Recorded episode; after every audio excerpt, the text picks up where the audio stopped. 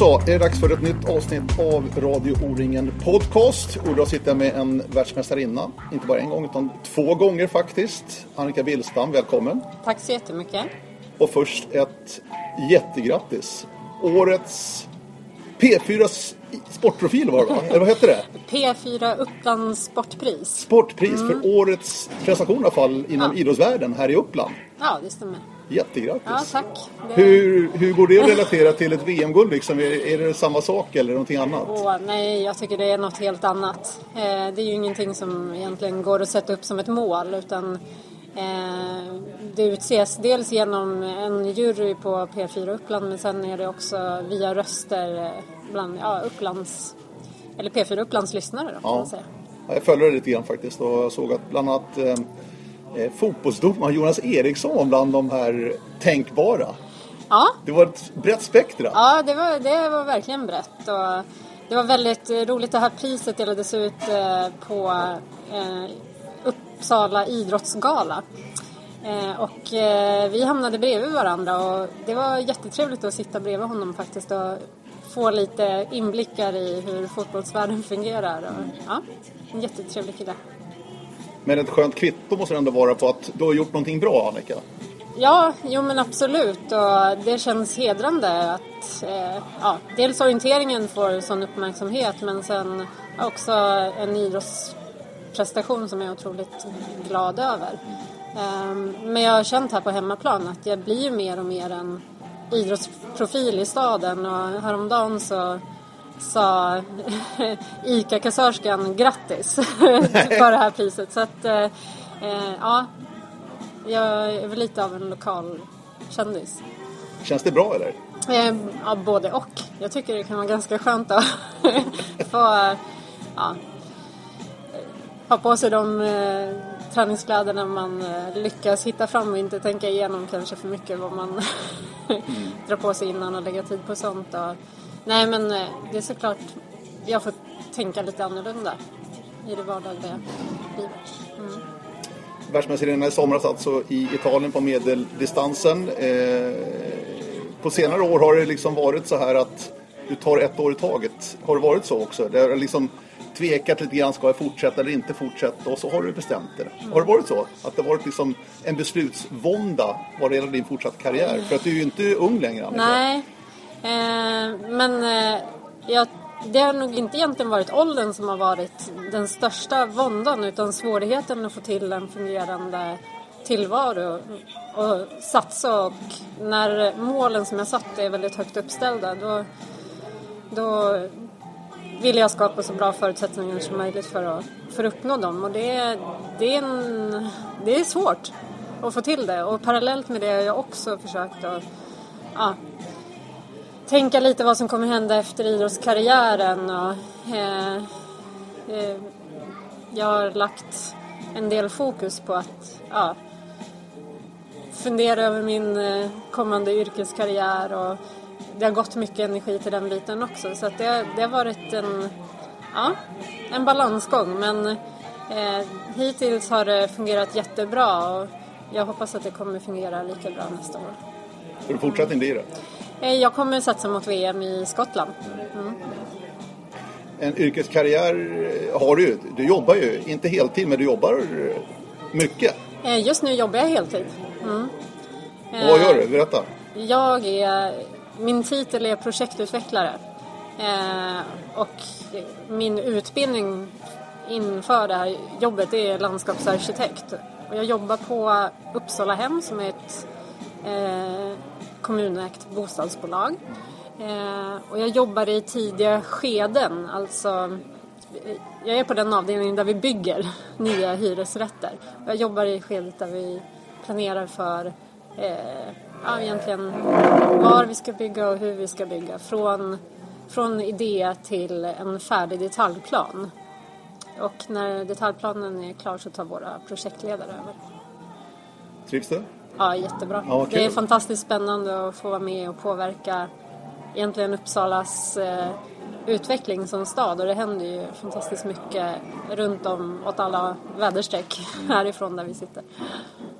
För du, alltså, du måste ha ett jobb för att klara det ekonomiskt eller vill du ha ett jobb för att kunna sära på idrottsbiten och det civila så att säga? Eh, Eller hur fungerar du? ja, alltså jag vill nog ha ett jobb. Eh, för det är skönt att kunna koppla bort idrotten. Eh, men i perioder så har jag nog velat liksom ha möjlighet att jobba betydligt, betydligt mindre och kunna varit mer flexibel.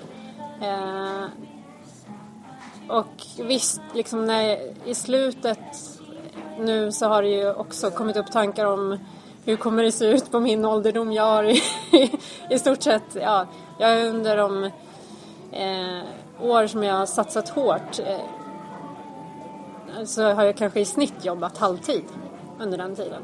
Och det får ju effekter.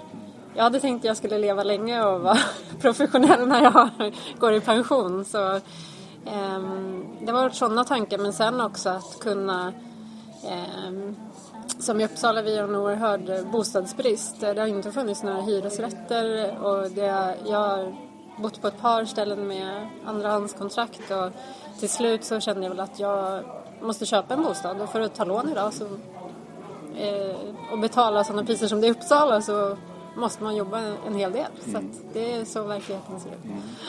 Men har det varit slitsamt här så att säga? Att, att få ihop, jag menar du vill ju lyckas som idrottskvinna eh, och har lyckats väldigt bra. Men Ja. att också få ekonomin. Jo, men det, det, är en, det är en planering och det är ett jobb att försöka få till de där förutsättningarna. Eh, och hur mycket jobb man är liksom beredd att lägga på det. Och det går ju också att försöka hitta sponsorer istället för att jobba. Men nu har jag gått över mot att jobba istället för kanske att hitta sponsorer och se det som en investering i, i min framtid också.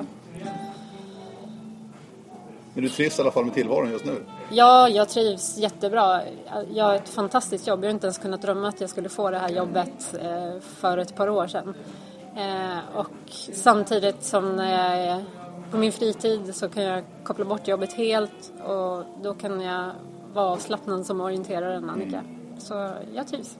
Men är det bra att ha ett VM-guld i CVt?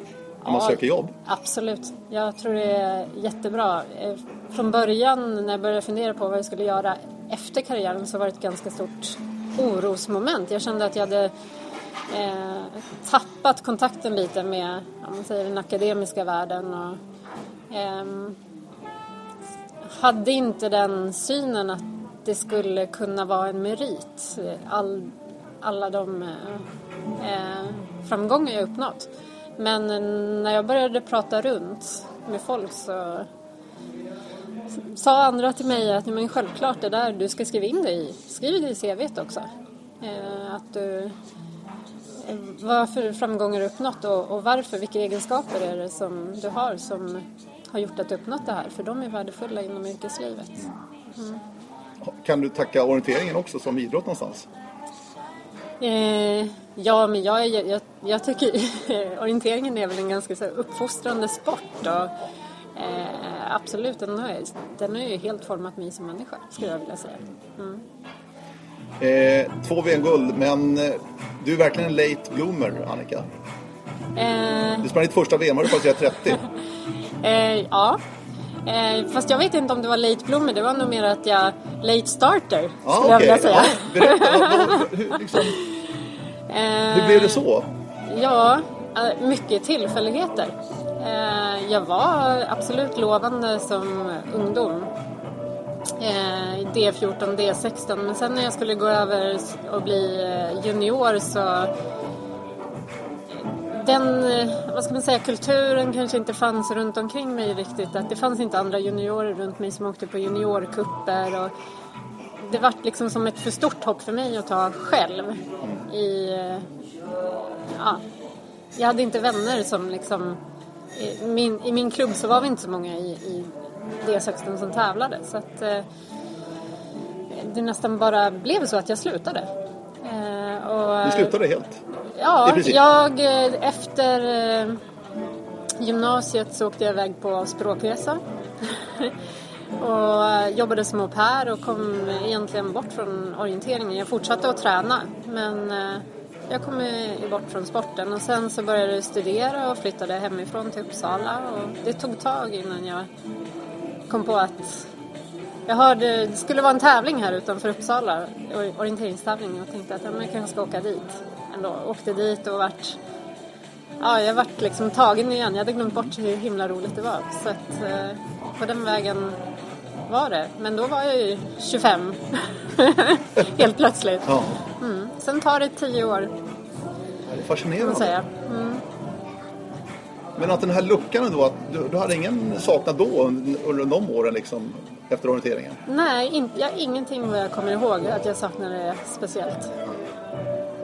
Men sen då, när, det började, när du sprang den här första tävlingen så att säga, efter det här avbrottet då. Mm. Ja. Vad, vad, kände du då? Du sa att du gillade det, men vad, vad, vad liksom brann till i huvudet då? Kände du att ja, jag vill eh, det var faktiskt... Jag gjorde ett riktigt bra lopp eh, tekniskt. Och eh, jag var ju ganska van att hamna högt upp i resultatlistorna men jag var tio minuter efter på en kort distans. Jag kunde liksom inte, jag kunde inte förstå riktigt. Men det hade ju varit så otroligt kul och jag hade ju flowet under det där loppet och den där känslan när du ser en kontroll och ja, du har haft, haft flytet hela vägen och att, att spika. Det vart liksom som ett, ja, ett driv att liksom försöka, ja men jag måste kanske, vad kan jag göra för att det ska gå lite bättre? Och sen så det ena ledde till det andra och jag började träna med OK Linné här i Uppsala. Betyder det mycket för att de har ju en väldigt fin organisation? Oakland. Ja, och också då när jag började att det var ju ett väldigt driv redan då. Det har väl gått lite i vågor. Eh, men eh, redan då var ju ett gäng som eh, var riktigt driv. Ta Mats Troeng var ju väldigt aktiv. Elina Bäckström kom hit i samband med att jag bytte klubb också till OK Linné. För jag var hela tiden medlem i Järfälla OK även under den tid jag inte orienterade. Ehm, nej, så det var en riktigt bra orienteringskultur. Och jag fick många nya vänner där också. Och sen tog du steg för steg så att säga och tog du närmare närmare toppen här i Sverige. Ja, men det har också varit i vågor. Jag tillhörde ju B-landslaget först och det tog ganska bra tag innan jag tog eh, klivet upp. Jag fick vara reserv till några ja, aktiviteter men innan jag fick en plats, plats i A-landslaget så tog det nog fyra, fem år. När kände du så att du, du var verkligen där så att säga, i- på toppen och chans så att, säga, att vinna, vinna någonting? Alltså jag hade ju enstaka lopp som var riktigt, riktigt bra nästan ja, efter bara några år som jag hade satsat. Och det gjorde nog jättemycket för att jag fortsatte. För jag såg att mina toppar var riktigt, riktigt eh, bra. Det motiverade mig att träna hårt. Eh, men att jag... Och att jag skulle kunna ha möjligheten att ta ett VM-guld. Det, jag tror första liksom gången jag kanske riktigt eh, insåg att det var möjligt det var väl på de testtävlingar vi hade inför VM i Frankrike när jag vann ett långdistanstest men jag tror det var över sex minuter och eh, de bästa tjejerna i stort sett var på plats. Och det är 2011 vi pratar om då. Ja, Men ändå har du tagit medalj 2008 i Tjeckien ja, på långdistansen. ja. Men eh, det loppet var... Jag var, jag var inte så jättelångt ifrån men jag kände ändå att det var en bit kvar till att liksom stå ända längst upp på pallen. Vi kommer tillbaka till Frankrike. Jag tänkte bara stanna lite i det här ditt, ditt avbrott allt det. För att det, det är ju många tjejer som, som lägger av. Efter ungdomsåren eller under juniortiden och blir aldrig så att säga seniorer och sen kommer de aldrig tillbaka. Vad, vad säger det dig? Alltså, vad, vad tycker du om det här? Har du reflekterat någonting över det här? För att det är speciellt tydligt på tjejsidan skulle jag vilja säga. Ja. Um, eller det vanligaste överhuvudtaget är väl att man egentligen går direkt från junioråldern till senioråldern. Det finns ju liksom inget... Eh, och det är den enklaste vägen skulle jag vilja säga. Jag kan ju säga att min väg har ju inte varit den enklaste. Eh, det... Jag tror liksom... Ja, stödet formar vi också utifrån att man ska ta den vägen. Eh,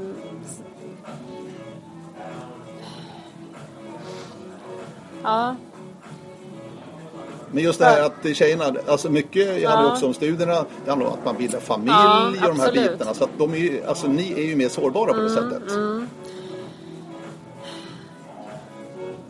Ja, jag, jag vet faktiskt. Jag, det är jättesvårt att liksom komma till med en orsak till varför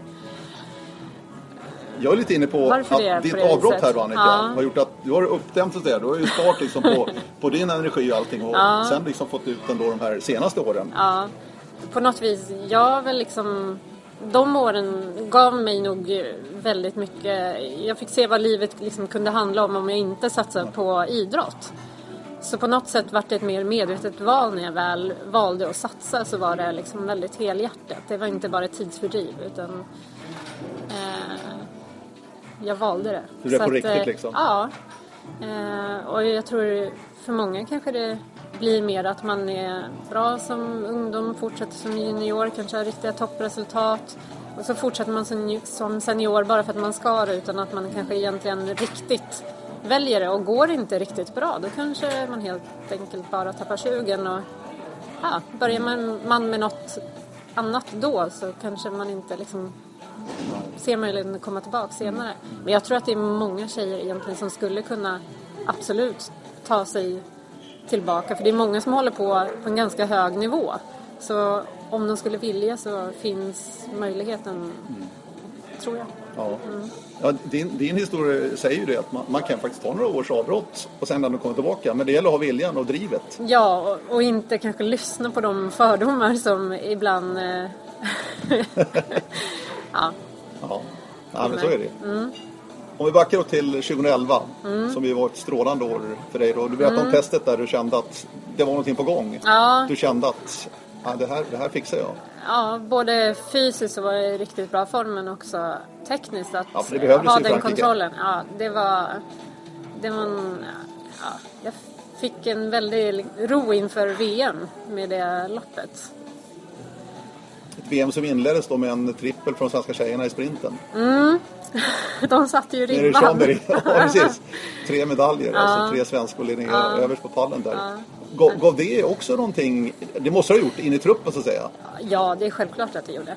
Eh, det var den veckan, liksom, tittar man tillbaks till, till den och vad hela laget gjorde under den veckan, det var ju en eh, fantastisk vecka på alla sätt och vis. Ja, verkligen.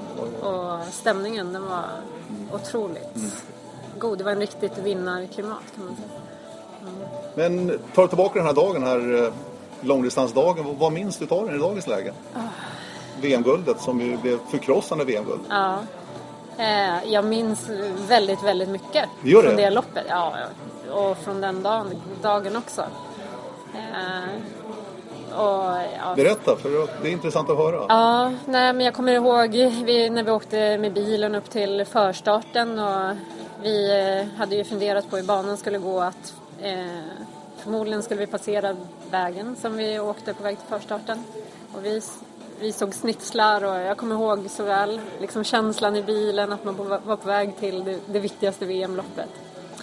Eh, och starten, jag hade ett riktigt, eh, riktigt illa eh, skavsår som var, det var, varje steg jag tog så smärtade något oerhört. Och jag Hade du haft det flera dagar eller?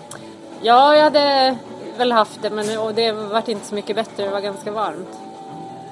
Jag minns att eh, jag klagade lite inför Anneli men hon, eh, ja den peppen jag fick av henne vid starten var ovärderlig liksom och fick mig att fokusera på det som var viktigt. Och den taktik jag hade i inledningen av loppet att eh, ja, den första kontrollen såg ju fantastiskt svår ut. Och hur skulle jag tackla den? Och den var ju så viktig för att komma in i loppet. Och jag förenklade den, förenklade den så långt jag kunde. Och fick ja, en jättebra inledning på loppet och ett flyt som jag egentligen behöll hela banan.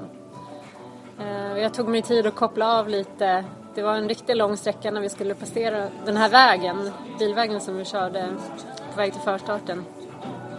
Eh, och då mötte jag två kvinnor som var ute och vandra- vandrade. Jag har fortfarande en bild av de där två kvinnorna. Jag hälsade på dem och de hälsade tillbaks.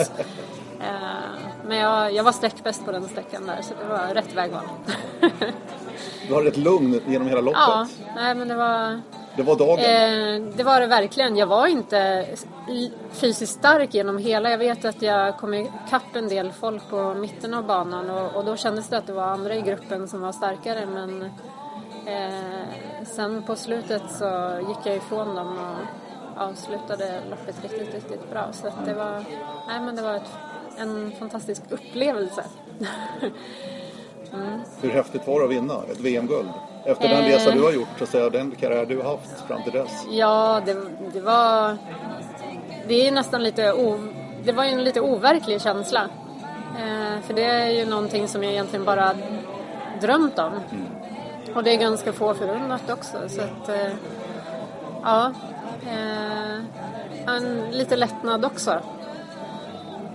Att eh, på något sätt det som kanske jag strävat haft eh, väldigt länge som träningsmål att ha uppnått det. Då kände jag att hade jag velat sluta den dagen så hade jag kunnat göra det. ja. ja. Men du har också visat på, tycker jag, genom åren en väldigt mental styrka och att liksom hittat formen just när det är som viktigast på året under VM. Mm. Vad, vad beror det här på? Någonting du jobbar med mycket, den eh. mentala sidan? Jag tror mycket handlar om att det... De tävlingarna, ja, som ett VM, det triggar igång mig också. Att jag har en helt annan förmåga att eh, fokusera vid de tillfällen jag verkligen känner att det betyder någonting för mig. Och Terry brukar säga att you're not a woman of small competitions and trainings. och jag tycker den, den är ganska beskrivande för hur, ja, hur min, min orienteringsprestationer ser ut. Det var att titta på statistiken. Du har vunnit ett SM-guld i ultralång distans och du har två VM-guld. Ja, det säger ja. nästan allt. Jo, jo, men det säger absolut en del. Ja. Mm. Det tror jag. Du behöver det här, alltså känna att ja, det, är, något viktigt på gång. Det är en helt annan anspänningsnivå jag har på ett VM än eh, vad jag har på ett eh, SM. Mm. Du behöver VM helt enkelt ja. för att tälla till. För det såg vi tydligt i år tycker jag, 2014. Mm. När du egentligen bara sprang igenom våren, sprang inte allt mm. heller. Utan Nej. du hade bara ett enda mål och det var VM-veckan i Italien. Du funkar så alltså? Du kan liksom bara ta igenom, du bryr dig inte? Ja, fast det alltså, är viktigt. Jag, jag, gör ju samtidigt, jag lägger ju ner den träning liksom. Absolut. Jag, eh, jag kämpar och det är inte så att jag inte försöker på de här tävlingarna. Men eh, jag har svårt att få ut det där lilla, lilla extra. Eh, som jag får häftigt. ut på, på ett VM. Så ja. är det. Ja. och jag, eh, det är såklart att jag har, tänker mycket mer också mentalt eh, på hur jag ska agera under VM-veckan, hur jag ska lägga upp min taktik för loppen. Jag är, förberedelserna ser ju, ja de som inför Skottland har ju redan börjat gro. Medan inför en träning eller en mindre tävling så har jag ju inte alls samma typ av eh, förberedelse. Mm. Mm. Innan vi kommer in på Italien i, i sommar, berätta gärna lite om den här förberedelsen som ni gör, ni på den här nivån. Alltså, du berättar här i Frankrike att mm. ni hade koll på att den här vägen kommer säkert springa över sen. Ja. Hur, mycket, hur mycket tid lägger man ner på sånt här för att, så att säga, preparera sig och vara så ja. förberedd man bara kan? Eh, ganska mycket. Eller väldigt mycket. Ja, det är ju alltid relativt. Men eh, allt som gör att jag eller att vi i laget känner oss tryggare eh, och som kan göra resultatet eh, några sekunder snabbare är allt, det är väl, allt vi gör för det, det är väl investerad tid. Så att, eh, Eh, det är ju mycket kartanalyser, mycket, ja, all information vi får genom bulletin och lagledamöten eh, är jätteviktigt att ta till sig. Och, eh, sen är det ju, för mig själv så har jag en träningsplanering som jag känner mig väldigt trygg i och har jag genomfört den på bra sätt så eh, kan jag känna mig trygg i det. Jag går tillbaka och tittar på vad jag har gjort och tittar på de träningarna jag har gjort och ja, men skapa en en säck med liksom goda, bra ingredienser som jag kan öppna upp under, plocka ur under VM-veckan. Mm. Så det innebär att redan nu när vi pratar här i slutet på november, början på december så tittar du framåt Skottland som du nämnde, men på vilket sätt då så att säga? Du... Ja, att jag... Jag har faktiskt inte varit på plats ännu i Skottland men jag har ju analyserat, redan tittat på kartor, jag har funderat på hur kommer den sista tiden in mot VM se ut och då, jag har väl sex veckor fram emot VM som är ganska specifika eller detaljerade men de sista två månaderna innan vet jag ju på ett ungefär hur jag vill ska se ut. Och jag, jag har ju en bild i huvudet av hur, hur VM-veckan kommer att vara. Mm. Ja. Hur, hur är din position i det svenska landslaget? Känner du du är helt säker på att du kommer åka till Skottland eller måste du prestera och visa någonting också under nästa år? Eh, ja, jag, i och med mitt VM-guld så har jag Ja, en plats. Ja. Men jag behöver ju bli uttagen i laget och jag vill visa att jag har på VM att göra. Eh, och för min egen skull och, och för lagets och förbundskaptenens skull att han ska känna sig trygg i det. Och, ehm, så att jag ser ju som det är flera hållpunkter i ja, flera tävlingar under våren som jag som viktiga förberedelser inför VM. Mm. Och 2014 då, det här år vi sitter nu, du vann ett VM-guld i Campo Molo i somras på medeldistansen. Mm. Du har ett guld på långdistans och även medalj i sprint. Mm. Eh, eller medaljer. Ja, medaljer. Du har ju två stycken. Ja, bra. precis. Både i Schweiz och Finland. ja. Ja, stämmer. Eh, och nu också medeldistans. Men hur, hur var det här året, Annika, om du tittar bakåt lite grann då in mot Italien? Hur var det Ja. för dig i våras?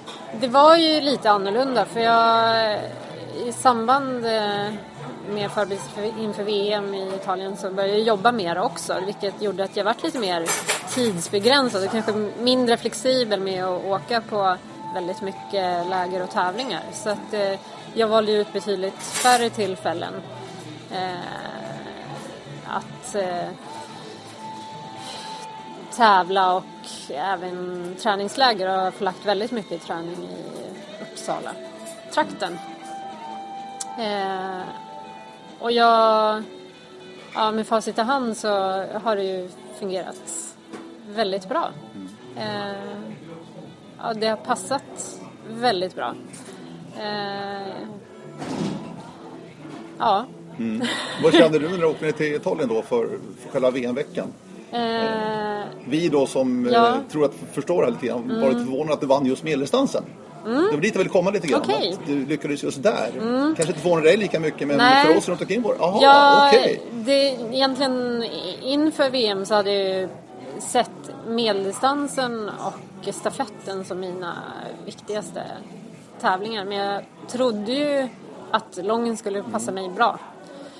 Ehm,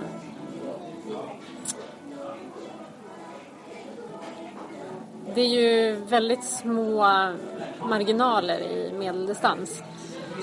Eh, och efter långdistansen så var jag väl... Jag gjorde ett ganska bra lopp men jag var fantastiskt trött och det var några misstag. Eh, jag var väl inte jättenöjd efter det loppet. Och jag var faktiskt själv lite osäker inför medeldistansen hur jag skulle klara av att hålla ihop det och sen ja, om min fart helt enkelt skulle räcka. För det var den känslan jag hade. Jag, jag trodde att jag var i bättre form än den känslan jag hade.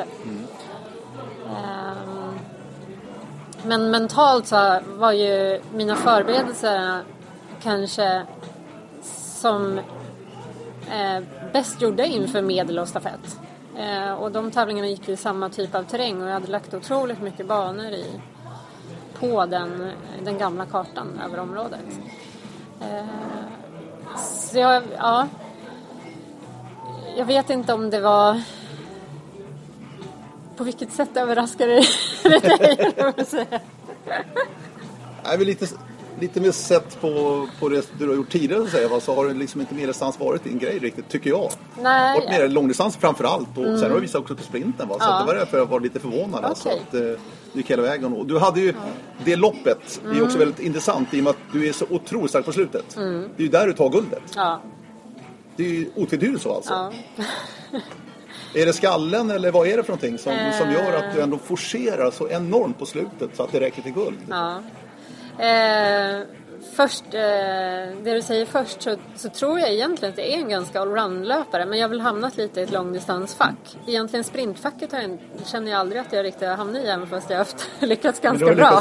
Också, ja. men medeldistansen ligger ju där någonstans mitt, mitt emellan. Så det har väl varit lite i, i vågor och jag har gjort en hel del bra resultat på medeldistans men kanske inte riktigt, riktigt i absolut längst fram. Eh. Men backa till sommaren här ja. och framförallt avslutningen. Ni hade en ja. placering då med en tuff avslutning kvar. Ja. Där hände väldigt mycket ja. och där du var klart starkast. Jag tror kanske faktiskt att starten på mitt lopp eh, gjorde resten av loppet. Eh, för att jag hade eh, ett par, eh, en, en kontrollmiss på första kontrollen och eh, inte så stor, kanske 20 sekunder, men den, den satte igång en process. Eh, och jag började liksom redan där kanske öka farten och det vart en följdbom på det beteendet. Och därifrån så lyckades vi få i handbromsen, ja, justera med den under loppets gång och få ett riktigt, ja egentligen eh, ett per, nästan intill perfekt orienteringstekniskt lopp. Och det är så svårt att beskriva vad det är som gör att du hamnar i det tillståndet. Men eh, det kändes som att det var, jag kunde inte orientera fel. Eller jag kunde inte bomma. Det var som ett eh, Det är en skön känsla. Ja, det var ja, det är en jätteskön känsla. Men också att när jag passerar målområdet för att det är medaljchans. Då kändes det som det fanns liksom ingenting att spara på utan det var bara liksom köra ur det allra sista och ja, det... Kände du att du hade trycket också? För det var ju, en, var tungt utifrån ja, varvningen där. det var en jättetuff fysisk avslutning. Och, eh, jag, jag, jag har inte kunnat springa den rundan en sekund snabbare, det kan jag lova. Ja, Men jag var i bra form under VM-veckan, även fast känslan under långdistansen var inte alls sån. Men eh, under både medel och, och stafetten så kändes det riktigt bra i kroppen. Du, eh, kan du jämföra de här två gulden? Frankrike långdistansen 2011 och medel i Italien 2014. Åh, ja, ja, de, I känslan är de eh, som natt och dag. Det är det? Nästan. Ja, att vinna det första VM-guldet är något otroligt speciellt. Eh, det är det. Eh, I Italien, där var det nästan som en... Ja, för min egen del så kändes det fantastiskt eh, att eh, ja, få ut som mest på den dagen jag verkligen ville och idrottsupplevelsen var, ja, det, när man tänker på det så ryser jag nästan. Men sen också så varit en helt annan, ja, utifrån sett så tror jag inte förväntningarna fanns. Det kanske inte fanns det i Frankrike heller men, men eh, det har det har ändå funnits där på något sätt i bakgrunden att eh, ja men det, jag försöker att verkligen inte fokusera på vad folk säger om till exempel min ålder men eh, det kändes lite som det var en liten revansch och en liten lättnad att jag faktiskt eh, fortfarande är på, de, på den nivån. Mm. En helt annan fråga. Mm. Vad har Simone Nigli Loder betytt för dig?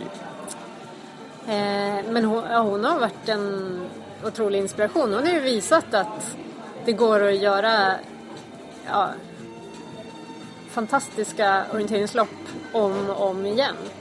Eh, och ingen är en maskin, men att vara så nästintill eh, om man säger perfekt.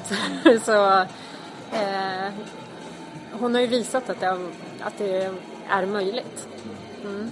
Jag tänkte också, ni, ni är ju inte riktigt jämngamla, men ungefär Nej. i alla fall. Så mm. också på det sättet kanske också att visa att det funkar ju. Ja, absolut, det funkar. Och det finns exempel inom andra, andra idrotter på att eh, åldern har ingen eh, det är ingen, jag tror inte det är den avgörande faktorn. Det är motivationen som är den absolut avgörande faktorn. Finns inte den då, då kommer inte resultaten. Ja. Det är så enkelt är det. Mm.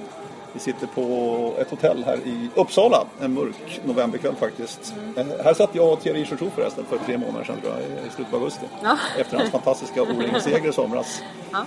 Eh, och Thierry och du lever tillsammans. Vad, vad betyder teori för dig Annika? Eh, ja, som eh, orienterare så är det klart att eh, eh han är en stor inspirationskälla på det sätt han agerar som elitorienterare. Eh, vi tränar ju en hel del tillsammans och han är ju fantastisk på att göra orienteringsövningar. så det är verkligen en lyx. Eh, men jag tror eh, vi pratar betydligt mindre orientering än vad man skulle kunna tro som utomstående, tror jag. Eh, och ehm, vi har egentligen, vi har lite olika sätt på och tankar kring hur eh, vi själva ser på hur vi vill utvecklas som orienterare. Jag tänkte de här, Thierry var väl förra eller förra, förra hösten, har han också drog på lite grann om man skulle fortsätta eller inte. Eh, samma som du Annika, har, är det här någon, någon gemensamma beslut eller är de helt individuella? individuella? Det är såklart, eh, det här diskuterar vi ju med varandra om mycket. Eh, och oavsett, alltså, i, valet måste ju komma inifrån en själv. Och eh, ja, oavsett det är ju vad var och en av oss bestämmer så kommer vi stötta varandra i det bes- beslutet.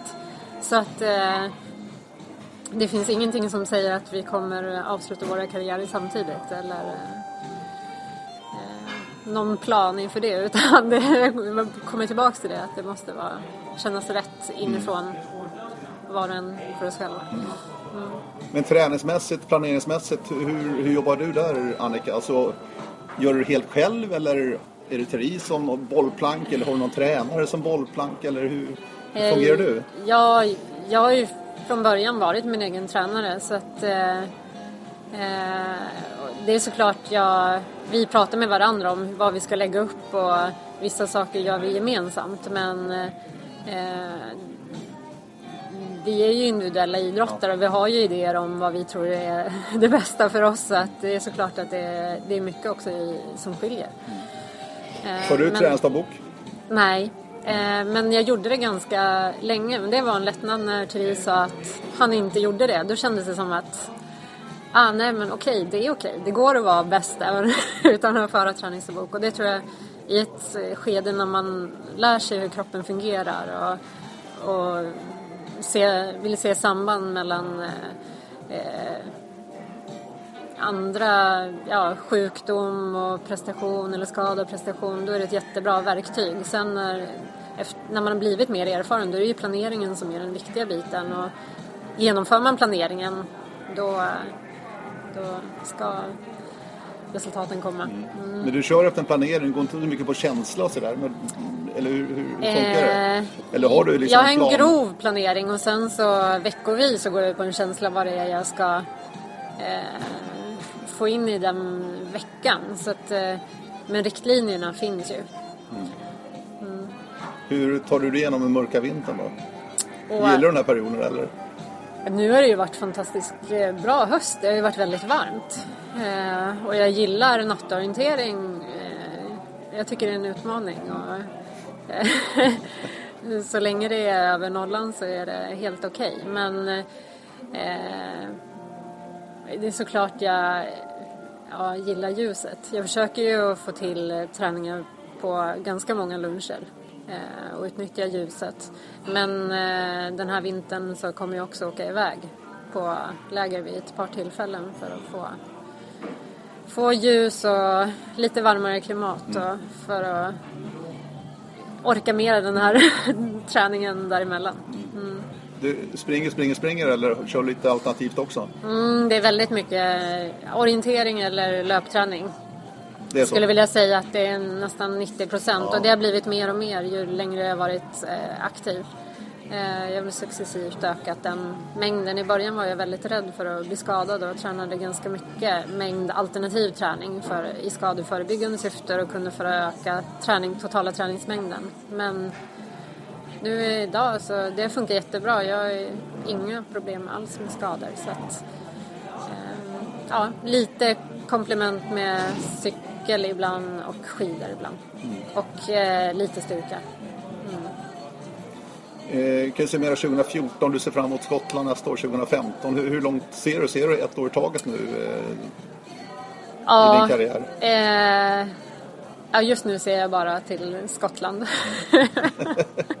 jag vet Håkan har nämnt Sverige men eh, jag, jag, ja, jag kommer inte åka dit på läger heller nu under, i alla fall innan sommaren utan allt fokus är på på Skottland fram till tills dess. Mm. Men du ska dit nu i alla fall i vår någon gång till ja, Skottland och det ska jag. känna på det? Jajamän. Du har inte varit här tidigare? Jag har varit i Skottland ja, tidigare. Men, men inte nu inför VM nej, 2015 precis. så att säga? Mm, ja. Det stämmer. Ja. Mm. Jaha, väntar Lucia och julhelger? Hittar på någonting annat också? Bara jobbar och tränar? Det är ganska inrutat. det är rätt inrutat va? Jo, men det blir eh, det blir ganska mycket jobb och träning. Eh, försöker att träffa familjen också. Eh, så det är väl det som har högsta prioritet vid sidan om. Hur har du lärt dig franska förresten? Jag lärde mig franska redan i gymnasiet ganska bra och eh, den eh, ska man säga, språkkurs jag var på efter gymnasiet det var i Frankrike. Så att mina franska kunskaper är, är relativt goda. Mm. Mm. Hur går det med Therese svenska då förresten efter hans eh, svenska veckor? Ja, det, det är inte intensifierats de senaste dagarna när jag hittat Duolingo, Aha. en app. Ja. Eh, det går att tävla och skaffa motståndare så nu har han skaffat några motståndare så att det går ett rasande tempo de här senaste dagarna. Ja. Han försöker i alla fall. Ja, men... Eh, Pratar ni franska hemma eller? Ja, väldigt lite. Det är engelska, det är engelska. som gäller. Mm. Nej men det är väl lite så kanske att jag tror, ja, han är ju otroligt intresserad av orientering och eh, av idrott och det han är intresserad av är han, eh, brinner han för men, men språk är väl en, en, en gren som ja, inte riktigt samma brinnande intresse. Men det har kommit in ett tävlingsmoment nu. Mm. Ja, det kanske är viktigt. Ja, ja men det, det kan motivera ja, lite grann. Alltså. Mm. Du, jag ska bara ta fram min väska. Här är. Jag måste bara läsa upp en sak här ja. innan vi avslutar. Mm. Det, var, det, var, så bra skrivet tyckte jag. Det var själva motiveringen här till eh, P4 Upplands sportpris var det va? Ja. ja. Jag skrev den här. En veteran som kombinerar fysik och intellekt på en hög nivå. Tycker det var bra skrivet. Mm. Jättefint. Det kan du skriva under på. Va? P4 Upplands Sportpris 2014 alltså till Annika Billstam. Stort tack för att du var med i Radio O-ring Podcast. Ja, tack för att jag fick vara med. Och ha en eh, skön december nu. Mm, tack. Bra. Tack. Hej då. Hej.